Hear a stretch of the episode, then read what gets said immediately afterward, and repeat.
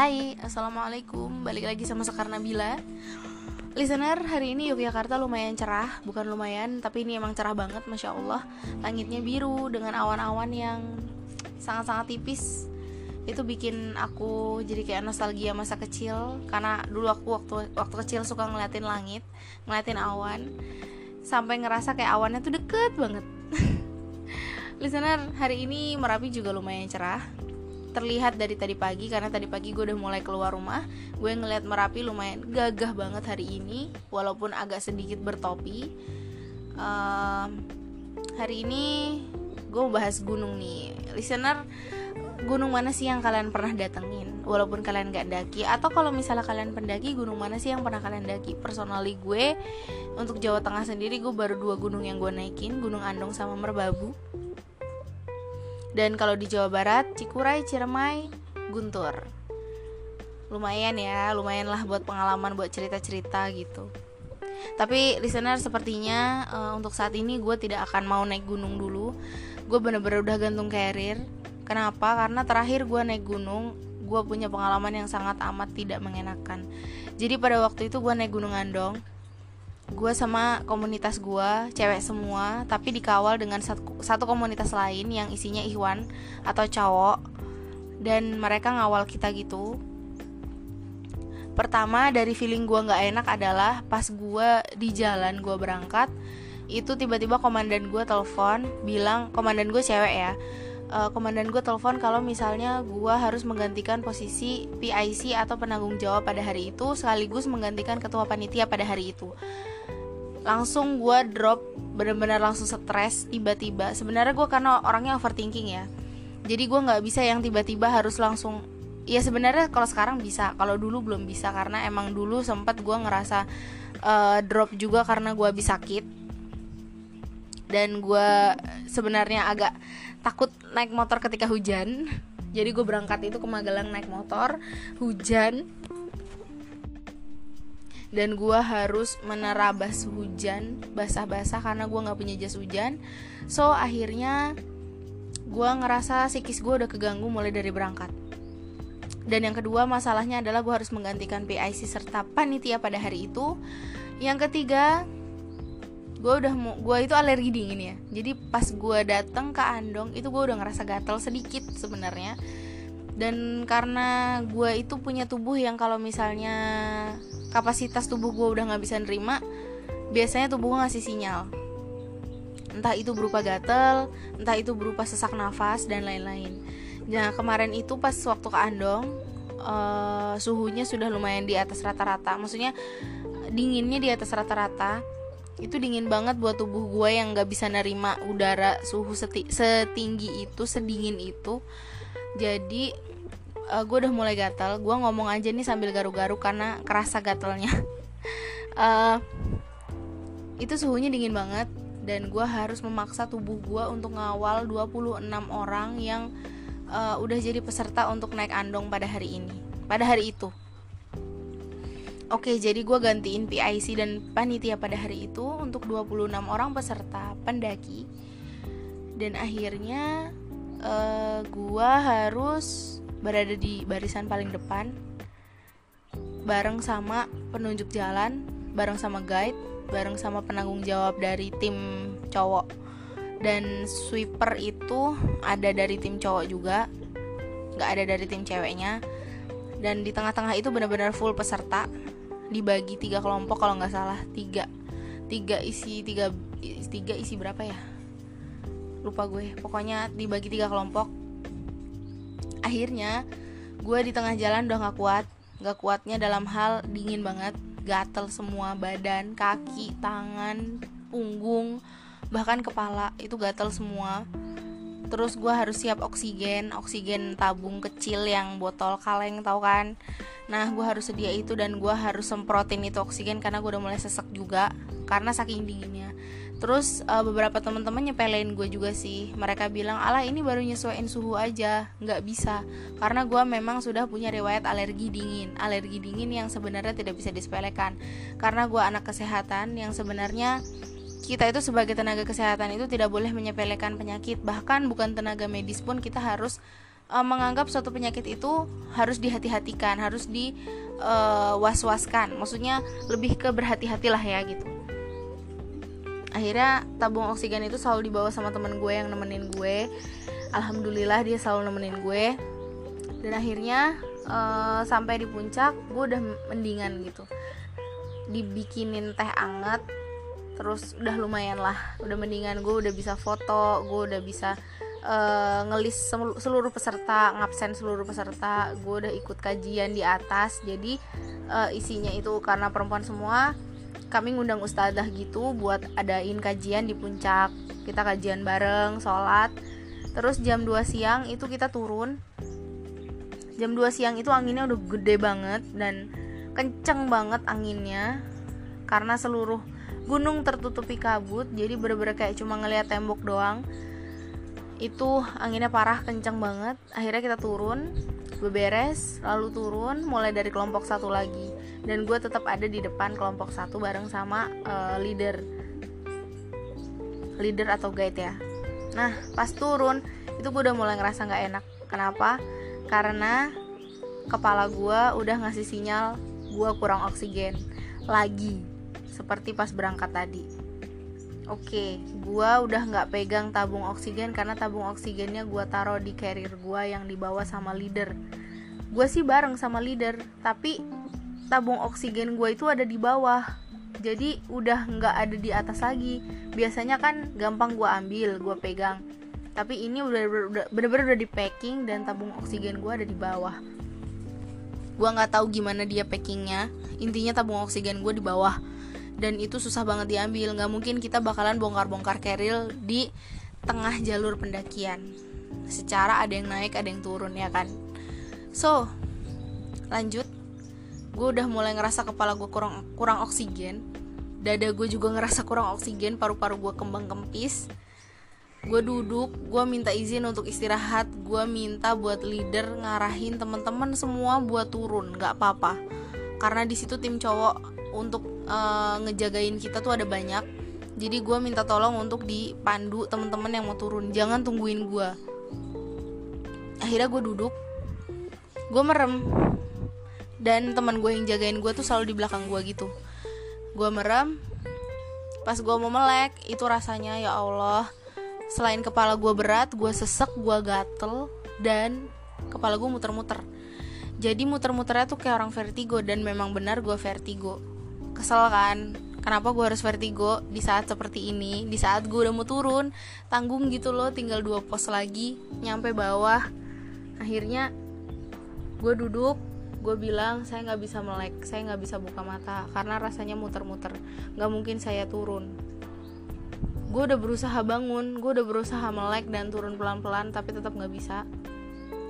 Selain gue sesek gue pusing gue vertigo kepala gue berat badan gue gatel dan gue belum makan Oke jadi info ya gue nggak sarapan karena gue berangkat itu habis subuh. Nyampe atas gue langsung bikinin kelompok mereka satu-satu. Cuma minum teh doang Langsung kita naik.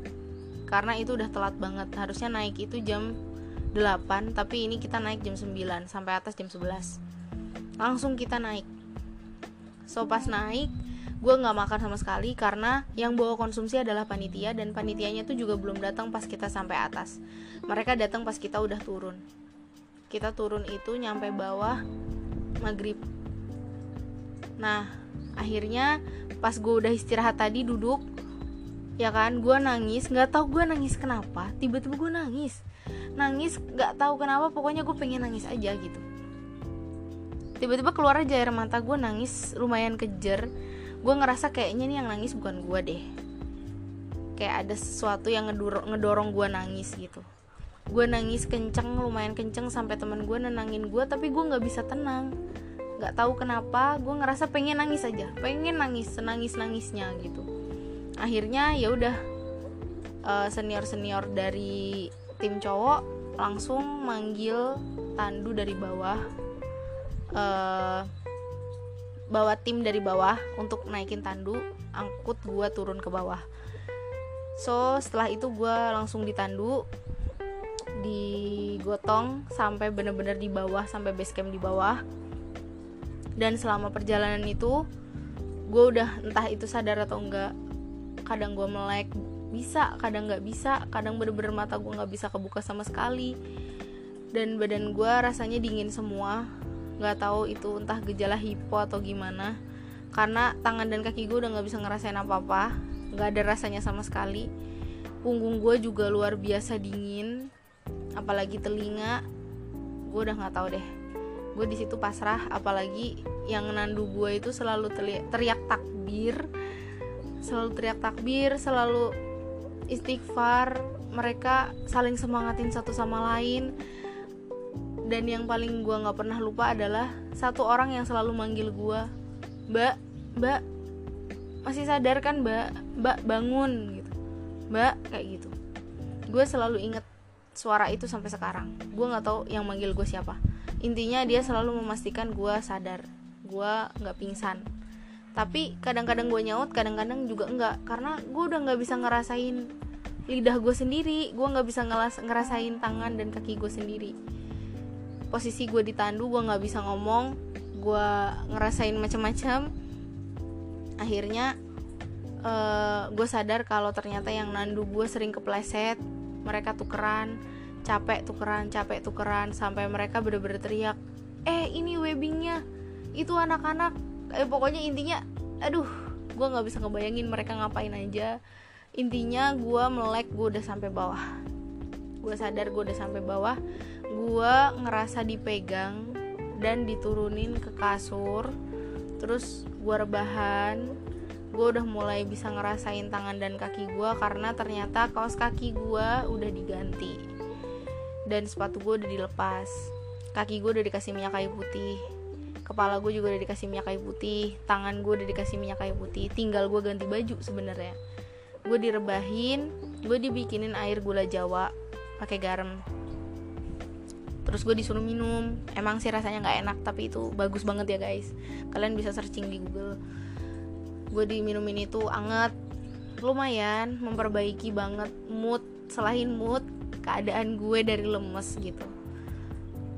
Dan sejak saat itu gua nggak mau lagi naik gunung. Gua nggak mau lagi naik gunung.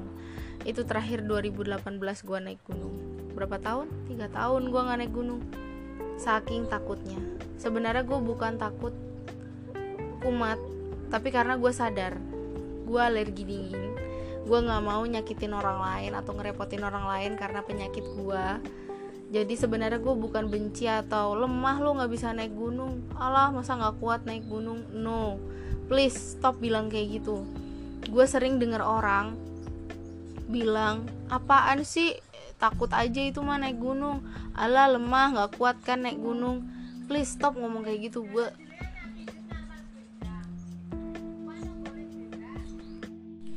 karena sebenarnya itu bukan takut ya guys. Gue tahu gue nggak bisa kena dingin banget dan gue nggak tahu kapan gunung itu akan menjadi dingin dan menjadi hangat gitu. Ketika orang-orang taunya di gunung tuh dingin tapi ada masanya di gunung itu panas di gunung itu hangat.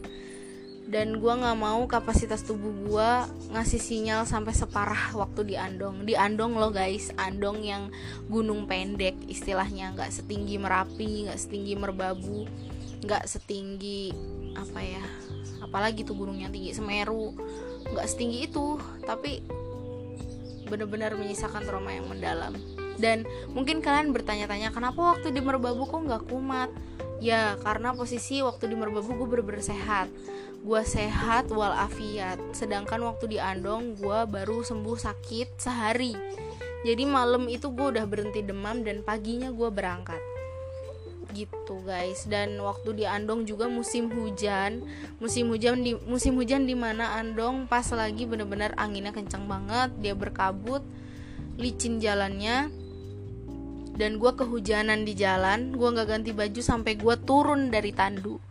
Gitu guys. Jadi beda waktu di Merbabu. Kalau waktu di Merbabu itu sangat amat cerah seperti sekarang panas jadi gue baik-baik aja. Pas di Guntur di Cikuray Ciremai juga sama. Kenapa? Pas Andong yang pendek yang gampang. Dan gue harus mengalami hal seperti itu akhirnya banyak orang yang bilang lemah kayak gitu. Selain lemah gue dibilang gak kuat lo naik gunung ya kayak gitu. Sebenarnya nggak guys. Jadi tolong dimaklumi di mana ketika kita mempunyai suatu alergi atau suatu pantangan dihargailah jangan sampai nanti ucapanmu menyakiti orang lain. Apalagi nggak ada kan yang mau terlahir punya alergi dingin. Dan kita juga nggak bisa ngilangin alergi karena alergi kalau dihilangin juga nggak bisa gitu. Itu adalah salah satu benteng benteng tubuh kita sendiri. Jadi please lah stop say that. Itu pengalaman gue guys di Tandu di Gunung Andong.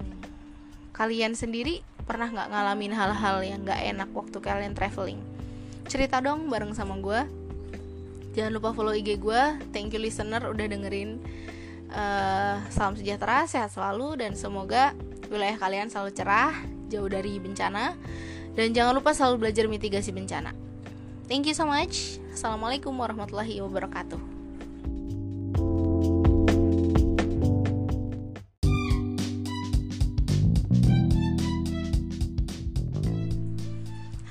Assalamualaikum. Balik lagi sama gue Sekar Nabila. Uh, Lagi-lagi gue mau ngingetin Kalian bisa panggil gue Sekar atau Bila. Kalian udah follow Instagram gue belum? Kalau belum, cepat follow ya. Oke, okay, di pagi hari ini Yogyakarta kembali cerah Masya Allah Dengan langitnya yang membiru dan merapi Yang masih terlihat sangat amat gagah Dari arah selatan kalian wajib banget nih ke Jogja tapi tetap harus mematuhi protokol kesehatan ya. Kalau kalian pengen liburan ke Jogja bisa banget via darat ataupun via udara. Tapi jangan lupa tetap kalian harus rapid test minimal atau swab test antigen. Biar kalian eh, nggak uh, bawa virus nih nggak bawa corona dari luar untuk masuk ke Jogja gitu kan. Karena Jogja sudah lumayan tidak terlalu padat uh, coronanya gitu. Tapi masih ada sih guys belum hilang gitu. Masih ada masih banyak malah tapi nggak semerah dulu ya. Karena dulu Jogja sempat red zone kan tapi sekarang udah nggak red zone lagi.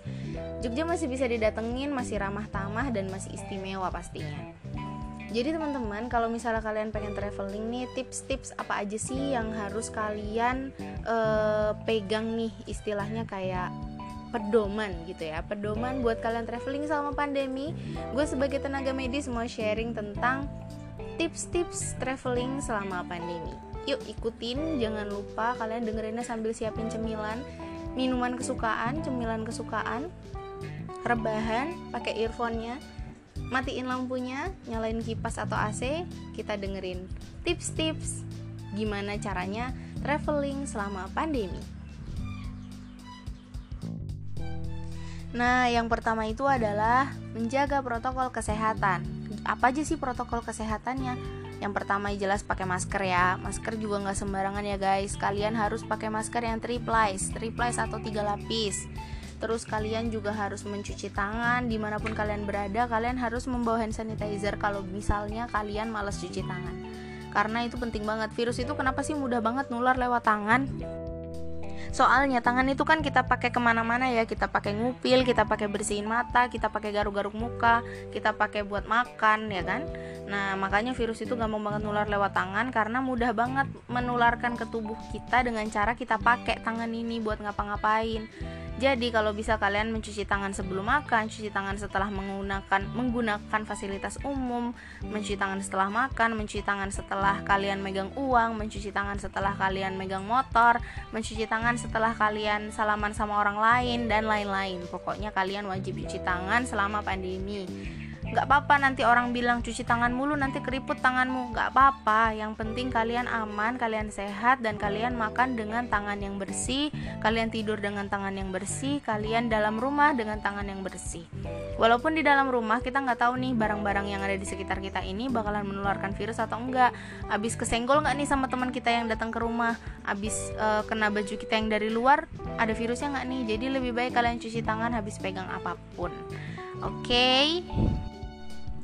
Yang ketiga, jangan lupa menjaga jarak. Jadi sebenarnya menjaga jarak itu bukan berarti kalian harus jauh-jauhan gitu ya sama teman, tapi lebih tepatnya ketika kita sama orang yang benar-benar kita nggak kenal kita ada di kerumunan ada di tempat umum nah kita wajib menjaga jarak tuh. Seperti kita lagi ada di bus lagi ada di terminal lagi ada di bandara pasar kayak gitu. Kita lebih baik jaga jarak sama orang yang kita nggak kenal karena kita nggak tahu dia bawa virus atau enggak. Dia orang tanpa gejala atau dia dengan uh, orang dalam pantauan kayak gitu. Lebih baik kita jaga jarak sama orang yang kita nggak kenal sama sekali. Tapi kalau di rumah sama ibu bapak ya kita nggak perlu jaga jarak. Apalagi kita udah mandi kita udah uh, pakai hand sanitizer kita keluar juga udah pakai masker kita udah ganti baju. Kita nggak perlu jaga jarak sama ibu bapak. Kita tetap boleh lah bercengkrama sama ibu bapak. Tapi kalau di luar sama orang lain kita wajib jaga jarak. Wajib banget jaga jarak. Minimal 1 meter Terus kalian kalau mau traveling ke luar kota, coba kalian tetap harus rapid test, minimal kalian punya surat rapid, rapid test atau swab. Kalau misalnya kalian e, tidak merasa mahal dengan swab, silakan swab.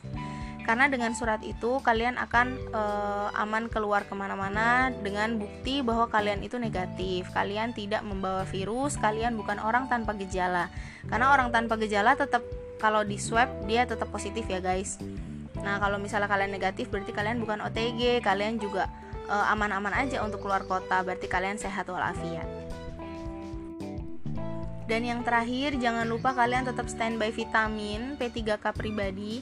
P3K simple sih ya lebih ke kayak vitamin obat kalian bawa obat pribadi kalian bawa masker cadangan kalian tetap harus steril tuh maskernya tuh ya nggak boleh masker yang nanti dicampur sama baju dalam satu koper jangan. Kalian harus simpan masker itu e, benar-benar steril di dalam plastik atau plastik yang bawaan dari e, kotak maskernya atau memang e, masih disegel. Jadi jangan sampai jadi satu sama baju. Nanti jaket habis dipakai masuk ke koper campur sama masker. Sama aja bohong ya kan jadi kalian harus tetap standby segala hal, ganti baju, bawa baju yang banyak, bukan banyak sih, lebih tepatnya kalian bisa memperhitungkan kalian harus berapa kali ganti baju habis dari luar.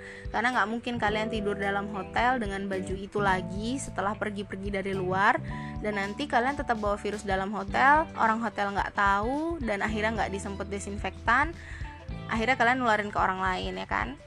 karena virus itu bisa nempel di baju kita guys baju barang barang-barang kita yang kita bawa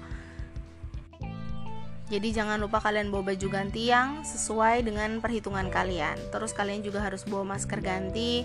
Kalau perlu misalkan kalian membutuhkan handscoon, face shield, kalian lebih baik bawa. Seperti saya tenaga medis, sebenarnya saya standby handscoon dan face shield ke mana-mana Begitupun dengan masker ganti gitu guys. Jadi uh, itu adalah tips-tips ya. Beberapa tips uh, untuk kalian traveling selama pandemi. Jangan lupa kalian tetap harus makan yang sehat, jangan jajan sembarangan. Kalau bisa kalian bawa uh, set alat makan pribadi, contoh sendok, garpu dan uh, sumpit serta sedotan. Kalian tahu kan yang bentuknya dia aluminium? Nah, eh stainless, kok aluminium sih? Stainless. Nah kalian lebih baik bawa yang kayak gitu. Jadi kalian bisa makan dengan peralatan makan kalian sendiri. Misal kalian makan nasi padang itu dibungkus kan? Pakai uh, apa namanya? Pakai kertas nasi. Nah kalian bisa makan pakai alat makan kalian sendiri. Nah saya ada tips nih uh, buat kalian yang mau makan di warung makan yang bener-bener pakai piring dari sana kalian minta kertas nasi untuk melapisi piring yang kalian pakai. Jadi pertama selain untuk memudahkan orang warung untuk membersihkan piring kalian, yang kedua kalian juga aman dari uh, piring yang kita nggak tahu itu bersih atau enggak gitu. Dan jangan lupa kalau mau makan cuci tangan seperti yang aku bilang sebelumnya. Selamat traveling guys, karena uh, kenapa ya aku pengen banget share tentang tips-tips traveling selama pandemi karena sekarang nih walaupun pandemi Jogja tetap rame, rame dengan plat nomor dari luar dan rame orang-orang yang emang traveling dari luar. Jadi buat kalian yang pengen traveling, kalian boleh traveling, tapi lebih baik kalian menggunakan uh, tetap melaksanakan protokol kesehatan. Jangan lupa karena uh, kalian juga harus melindungi diri sendiri dan orang lain bukan hanya diri kalian sendiri ya tapi juga orang lain So, silakan traveling ke Jogja dengan mematuhi protokol kesehatan. Jangan lupa kalian harus traveling dalam keadaan sehat dan pulang juga harus dalam keadaan sehat. Selamat traveling. Wassalamualaikum warahmatullahi wabarakatuh.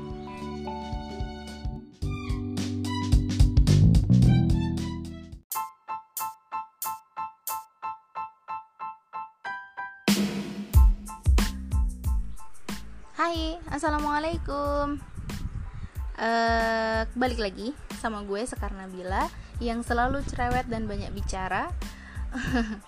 so, banyak nih pertanyaan yang ngalir ke gue kenapa sih si Sekar Nabila nih suka banget berenang? Oke kalian harus wajib banget dengerin podcast ini karena di sini kalian akan menemukan jawabannya. Kenapa Sekar Nabila suka berenang gue suka berenang sejak SD ya guys. Sejak kelas 2 SD gue udah bisa berenang dan gue udah mulai suka berenang. Sampai gue sempet ngotot sama nyokap gue pengen banget ikut uh, private renang belajar berenang private gitu kan. Tapi nyokap gue nggak ngizinin karena nyokap gue pikir kamu bisa ngapain kamu private? gitu. Belajar aja sendiri lihat uh, maksudnya uh, lihat guru guru renang lagi guru olahraga. Kalau misal lagi pas pelajaran renang kayak gitu ayo kita renang sekeluarga kayak gitu. Jadi daripada private renang belajar aja sendiri gitu. Toh kan i, nyokapnya teman gue kan ada yang jago banget renang kan. Jadi kenapa nggak renang bareng sama tante ini gitu sama si ini sama anaknya biar nanti uh, ketularan jago renang juga gitu. Terus akhirnya gue udah mulai belajar ngambang di kolam yang waktu gue seumuran kelas 2 SD ya pas gue kelas 2 SD itu kolamnya itu sedada sedada pas gue masih umur uh, kelas 2 SD umur berapa sih? 7 tahun. Pas gue umur 7 tahun itu kolam renang setinggi dada. Mungkin kalau sekarang berarti kira-kira seperut atau sepinggul ya. Nah pas gue uh, masih umur 7 tahun itu kolamnya setinggi dada kan. Dada anak kecil. Nah itu tuh gue udah mulai belajar ngambang belajar ngambang tengkurap sambil tahan nafas. Gue maksain diri gue harus bisa ngambang gitu karena minimal dengan ngambang gue bisa berenang lah gitu kan. Akhirnya gue memaksakan diri gue untuk bisa tanpa uh, belajar yang dipegangin dulu lah atau gimana enggak. Gue bener-bener langsung lep apa maksud kayak langsung tengkurap sendiri gitu loh. Nggak pakai disuruh nggak pakai diajarin nggak pakai dipegangin. Jadi gue langsung tengkurap dan gue ngambang sekali kalinya itu gue ngambang. Pertama kalinya itu gue ngambang. Gue ngapung gitu kan di air tanpa gerak cuman kayak tahan napas doang. Terus gue bilang sama temen gue dong eh aku bisa ngambang loh aku bisa ngambang. Jadi gue ngapung berkali-kali gue ulang-ulang gitu sampai bener-bener gue uh, adaptasi sama air gitu. Akhirnya uh, setelah itu uh, di agenda renang yang selanjutnya gue gerakin kaki gue gerakin tangan gue seperti orang-orang yang gue lihat berenang kayak gitu. Jadi gue mulai bisa renang kelas 2 SD dengan kedalaman kolam renang yang menurut anak SD itu dalam. Ya kan? Karena sedadanya anak SD sedada gue waktu itu. Jadi itu menurut gue harusnya lumayan dalam gitu daripada uh, kolam yang sepinggul. Kalau teman-teman kan dulu mainnya di kolam yang sepinggul mereka. Kalau gue langsung ke yang sedada gue gitu. Kalau di Jawa Barat sebutannya kolam satu kolam dua. Akhirnya gue udah mulai bisa berenang. Kenapa gue suka renang? Pertama karena gue suka air ya. Memang dalam hidup gue tuh hal yang paling gue suka adalah gue suka air gitu. Jadi untuk berenang hmm, itu ada hal yang paling gue suka banget dalam hidup gue kenapa sih gitu? Maksudnya pertanyaan orang itu kan kenapa kar? Gitu. Kenapa lu suka berenang? Oke. Okay. gue suka berenang karena bokap gue jago banget renang. Jadi dulu waktu gue pernah liburan di puncak itu bokap gue berenang. Ya allah kayak nggak pakai tenaga. Bener-bener ya udah kayak ngapung doang gitu. Tapi jalan gitu kan ih bokap gue jago banget renang istilahnya gitu.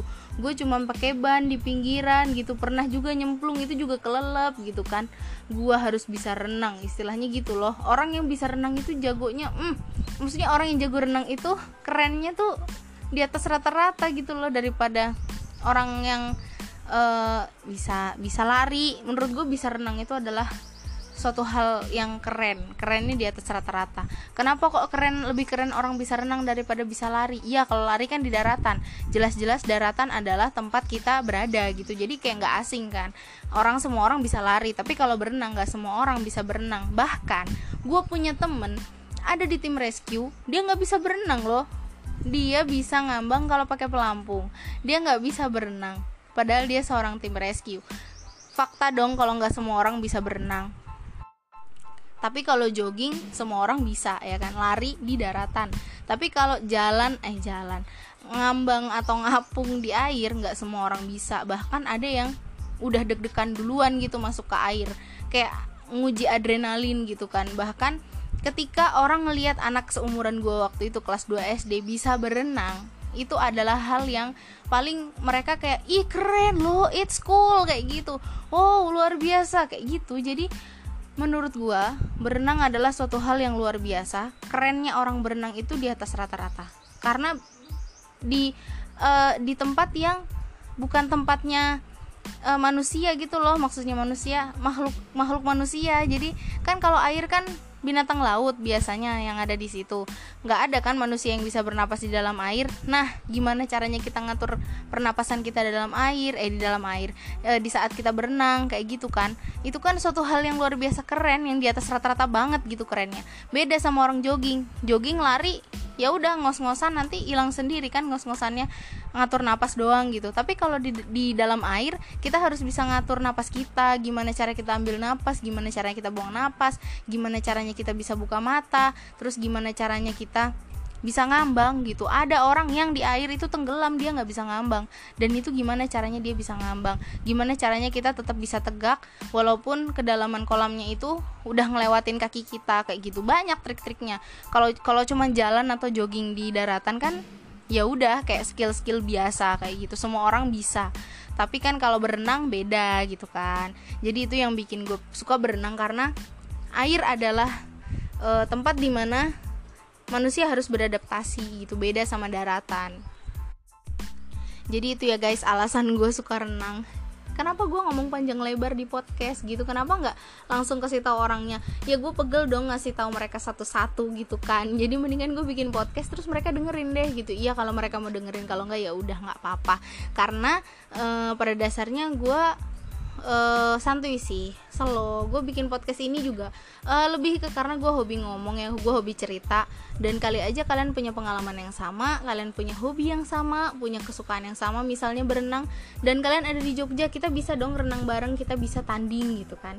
Kita bisa uji skill bareng upgrading skill bareng. Yuk kalau kalian punya hobi yang sama sama gue baca nulis ngetik uh, eh nulis sama ngetik sama ya. Baca nulis gambar dan berenang. Kalau kalian punya hobi yang sama yuk kita sharing bareng. Oke, okay, thank you so much listener udah dengerin podcast gue hari ini. Podcast yang istilahnya cuma ngasih tahu Kenapa sih Sekar Nabila suka berenang gitu.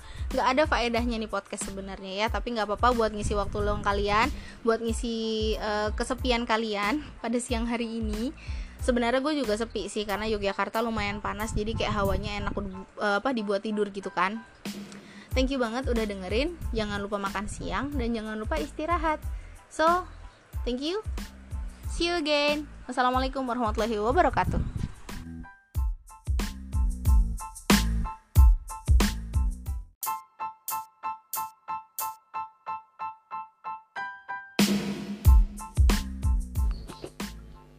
Assalamualaikum warahmatullahi wabarakatuh Balik lagi sama gue Sekar Nabila So, guys, apa kabar? Lama banget kita nggak jumpa. Kayaknya udah sekian bulan gue nggak pernah ngobrol bareng sama kalian dan kalian nggak dengerin suara gue, ya kan? Oke, okay, gue kembali dengan warna baru yang semoga bisa bikin kalian semakin semangat menjalani hari-hari yang belakangan ini mulai terasa membosankan karena PPKM, karena pembatasan e, kegiatan kita di luar. Semoga tidak membuat kita tidak produktif kita harus jadi manusia yang tetap produktif walaupun terhalang sama ada si coronavirus ini. Jangan sampai karena coronavirus kita nggak jadi produktif lagi guys. Walaupun kita WFH nggak WFO nggak work from office tapi kita work from home atau belajar di rumah juga kita tetap harus banget produktif. Gimana sih caranya? Ya kita tetap melakukan aktivitas walaupun itu bekerja secara online misal kita tetap harus jualan secara online kita harus tetap berkomunikasi uh, sama teman-teman secara online. Kita juga nggak bisa nih mutus silaturahmi sama orang-orang banyak gitu kan. Hanya karena kita harus stay at home. Kita harus tetap benar-benar Melakukan segala aktivitas seperti biasanya hanya saja dirubah tidak offline melainkan virtual atau online. Oke, okay, teman-teman semua, gue yakin lo semua udah pada bosan di rumah, bosan banget WFH, bosan banget daring, yang kuliah di rumah, di kos, nggak bisa pulang kampung. Gue yakin lo pada bosan banget. So, silakan dengerin podcast gue sambil rebahan, sambil ya abaikan aja lah sekali-kali abaikan dosen ngomong, sekali-kali dengerin gue ngomong gitu kan. Uh, mungkin teman-teman semua udah pada boring banget pengen keluar, pengen jalan-jalan keluar kota, pengen menikmati pemandangan, tapi kita nggak bisa karena banyak banget nih jalan yang ditutup sob. Terutama di Jogja sendiri ada di deket lingkungan gue sendiri ada tiga jalur yang udah ditutup yaitu Jalan Bantul, Jalan Parangtritis dan Jalan Imogiri Barat. Itu tiga-tiganya ditutup sob. Ada yang jalur ke selatan ditutup, ada yang jalur ke utara ditutup. Pokoknya bener-bener kita harus uh, pinter-pinter cari jalan. Karena kalau enggak kita bener-bener nggak bisa ke mana-mana. Terutama gue gue yang harus hampir sering pergi jauh itu gue harus cari jalan alternatif karena banyak banget jalan yang ditutup. Oke okay, balik lagi sama aktivitas gue yang sebagai relawan. Ya alhamdulillah sih karena sebagai relawan aksi cepat tanggap gue nggak akan ngerasain yang namanya jalan ditutup walaupun uh, gue ketika berkegiatan bareng sama relawan aksi cepat tanggap dan masyarakat relawan Indonesia walaupun ketika di jalan kita menemukan jalan ditutup insya Allah kita punya surat tugas masing-masing yang akan menyelamatkan kita ketika kita bertugas. Jadi walaupun kita harus melewati jalan yang ditutup insya Allah ketika buat umat pintu itu akan dibukain sama pak polisinya karena ya gimana lagi gitu kan? Ini kan adalah surat tugas dari bukan cuma dari negara tapi juga dari yang maha kuasa gitu. Mungkin teman-teman semua bisa mencari aktivitas lain ketika kalian tetap WFO eh, WFH kalian bisa tetap mencari aktivitas lain misalnya uh, bikin podcast sama gue kayak gini nih kita ngobrol-ngobrol bareng kita follow-followan IG kita edit foto edit video bareng itu bisa banget ya yang jelas uh, misalnya kayak baca buku, menggambar, menulis, kita bisa melakukan semua aktivitas yang kita mau sebenarnya. Cuman karena kadang-kadang kita tertekan sama peraturan yang sudah ditetapkan, jadi seakan-akan kita kayak nggak bisa ngapa-ngapain. Padahal sebenarnya kita tetap bisa ngapa-ngapain walaupun hanya dari rumah. Jadi teman-teman jangan merasa terbatasi hanya karena ppkm. Kita tetap bisa melakukan apa pun secara produktif walaupun hanya dari rumah. Semangat terus, jangan pernah lelah berbuat baik. Sampai di sini dulu podcast gue. Jangan lupa like dan tetap dengerin podcast gue ke depannya. Walaupun podcast ini agak sedikit abal-abal, agak sedikit tidak menyenangkan, tapi setidaknya bisa menemani kalian buat teman ngobrol kalian. Terima kasih.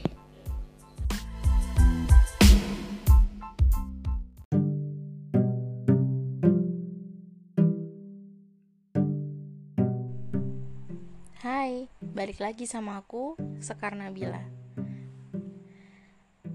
Kalian di sini profesinya kebanyakan sebagai apa? Kalau aku pribadi, aku sekarang fokus sama freelance. Selain freelance, aku juga all shop dan yang paling fokus banget itu kerelawanan. Mungkin kalian bertanya-tanya, kenapa aku mau jadi relawan? Sebenarnya gak ada alasan spesifik kenapa aku pengen jadi relawan. Cuman aku ngerasa aku sudah dikaruniai tubuh yang sehat, badan yang kuat, akal yang sehat, serta usia yang sampai saat ini aku rasa belum banyak melakukan hal baik. Jadi aku pilih untuk jadi relawan biar usiaku dan waktuku nggak terbuang sia-sia. Kalian tahu, jadi relawan itu sebenarnya nggak seenak yang kalian bayangin. Mungkin sebagian dari kalian ngerasa, hmm, relawan aja, cah selo, orang selo banget kok, nggak dibayar kan? Atau kegiatannya cuman kayak gitu-gitu aja kan? Dipanggil kalau bisa aja. Oke, sebenarnya nggak kayak gitu sebenarnya jadi relawan juga membutuhkan sedikit effort. Sebenarnya nggak sedikit sih tapi banyak. Banyak effort sesuai kemampuan masing-masing. Contoh, aku pribadi sebagai seorang farmasis, aku menjadi seorang relawan medis yang harus mengelola sebagian besar obat dan alat kesehatan yang dimiliki oleh satu organisasi di satu provinsi. Dan kalian tahu, hal yang paling sedih buat aku adalah ketika aku harus meninggalkan keluargaku untuk panggilan emergensi Maksudnya emergency bukan berarti panggilan seperti ambulans or 911, tapi lebih ke panggilan kegiatan. Oke, okay, for your information, di sini aku bukan hanya sebagai tenaga medis, tapi terkadang aku juga bantu salah satu teman aku untuk moto kegiatan, dokumentasi, videografi, dan sejenisnya. Dan kebanyakan panggilan aku panggilan yang aku dapat itu di bagian fotografi. Foto-foto kegiatan misalnya atau video-video kegiatan yang berlangsung pada hari itu. Istilahnya tim media. Dan hal yang paling aku sedih adalah kalian bayangin aku harus meninggalkan keluargaku untuk satu kegiatan yang aku nggak tahu apakah aku akan kembali dalam keadaan utuh atau aku akan kembali dalam keadaan seperti apa. Itu adalah tantangan untuk relawan sendiri. Relawan artinya rela ditawan. Enggak, ding. Relawan itu suka rela. Mau melakukan apa pun dengan sukarela. Sukarela waktu, suka rela tenaga. Bahkan kadang kami juga suka rela budget kami sendiri.